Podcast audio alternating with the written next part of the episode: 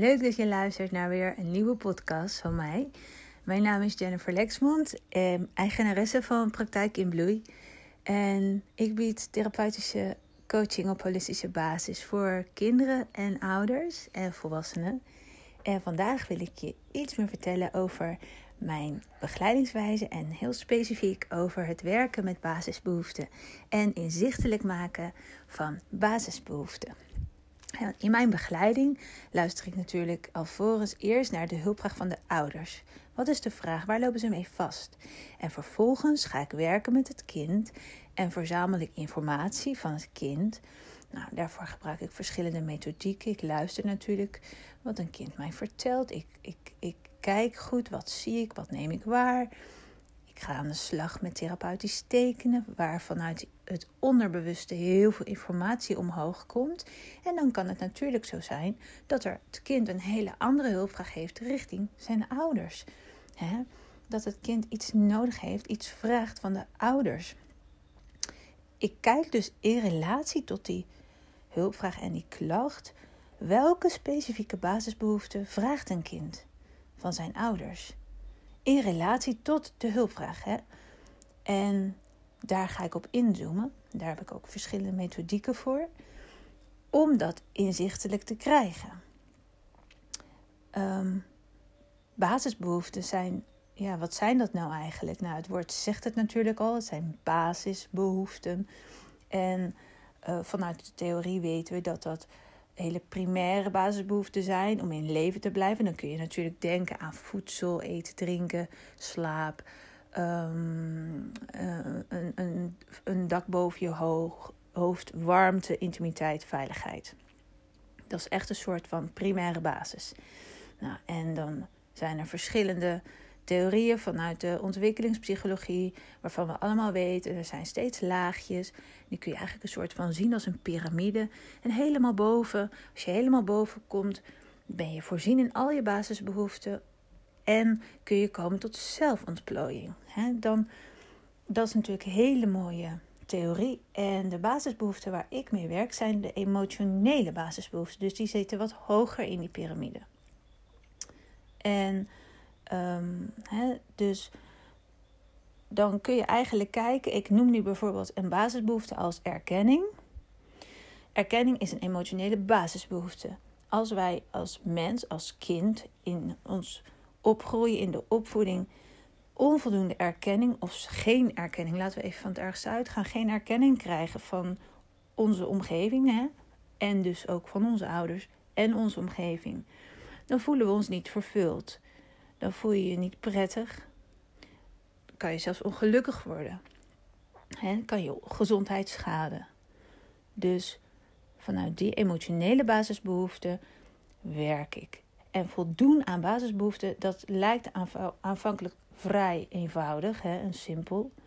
En in de praktijk blijkt het behoorlijk tegen te vallen om je echt in alle basisbehoeften van je kind te kunnen voorzien. En dat zeg ik niet alleen vanuit mijn vak, vanuit wat ik heb waargenomen en ervaren in de praktijk, in het werken met ouders en gezinnen en kinderen. En dat zeg ik ook als moeder en vanuit mijn ouderschapsbeleving.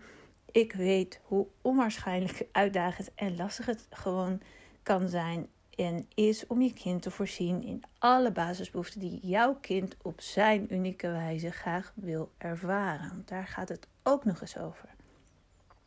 Het gaat erom hoe jouw kind het graag zou willen ervaren. En ehm, nou, ik zal kort de twaalf basisbehoeften waarmee ik werk toelichten. Nou, dat is zorg, geruststelling, bewondering, vertrouwen, aanmoediging, goedkeuring, begrip, respect, erkenning, bevestiging, waardering en acceptatie. En dat zijn als het ware twaalf vormen van aandacht en liefde.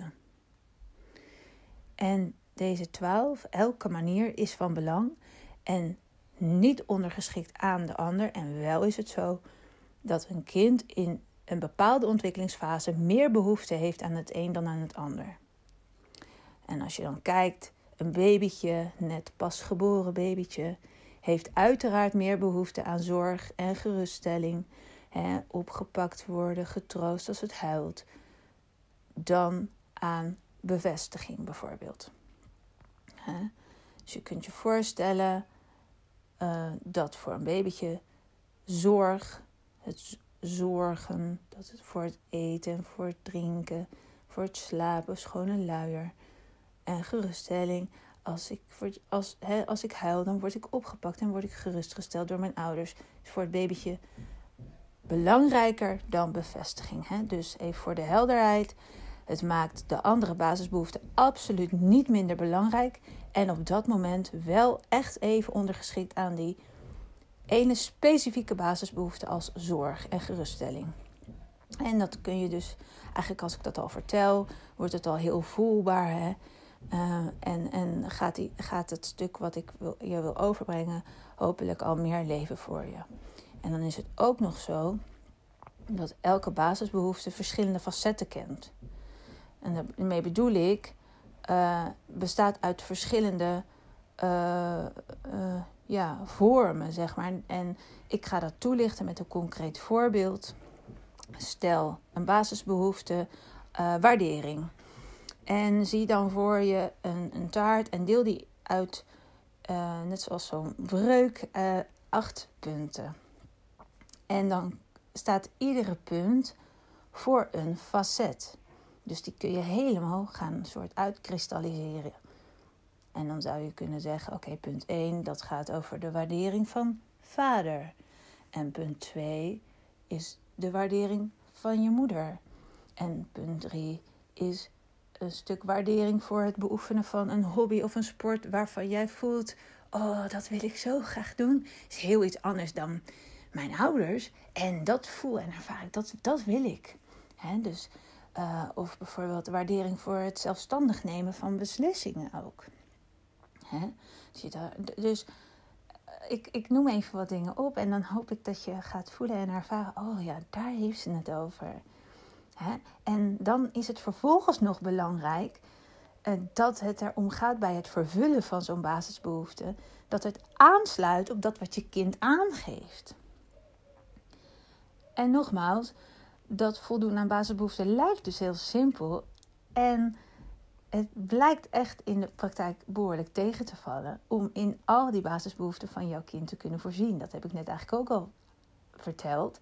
En ik zal hier nog een korte toelichting op geven. Ehm, wat maakt dat dat nou zo ingewikkeld is, los van wat ik net al heb geschetst, is dat doordat wat jij, um, en dan ga ik nu iets vertellen vanuit familiesystemisch oogpunt.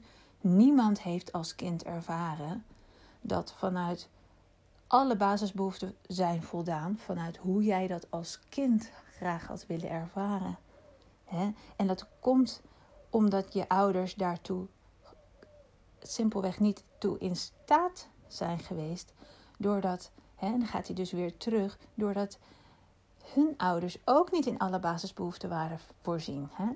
En voel en ervaar je wat ik zeg. En dat wat je dus niet kent, dat kun je niet doorgeven. Tenzij je je natuurlijk bewust bent van je eigen gemis. En ook open staat voor die specifieke behoeften van de ander. En ja, dat maakt eigenlijk dat we eigenlijk ervan kunnen uitgaan dat er altijd wel een blinde vlek is waar je gewoon niet bewust van bent. En vanuit al die liefde je het allerbeste doet wat binnen jouw mogelijkheden ter beschikking ligt. En het is dus heel vaak op het moment dat er echt een klacht of een verstoring is in gedrag en in de dynamiek met je kind, dat jouw kind je uitnodigt om iets te geven wat je zelf niet kent of onvoldoende in je bewustzijn hebt. En dat is wat ik dan doe. Daar kijk ik naar en daar ga ik op coachen. En het gaat er dus echt om dat op het moment dat er iets in het gedrag is bij jouw kind wat jou triggert, waarvan jij echt voelt en ervaart: oh, ik word hierop geraakt, dan kun je er echt van uitgaan dat je ergens nog geen bewustwording op hebt. En dat je kind je spiegelt en je echt mag gaan kijken: oké, wat doe ik en wat maakt dat ik dit zo doe? En wat vraagt mijn kind van mij waar ik niet van bewust ben?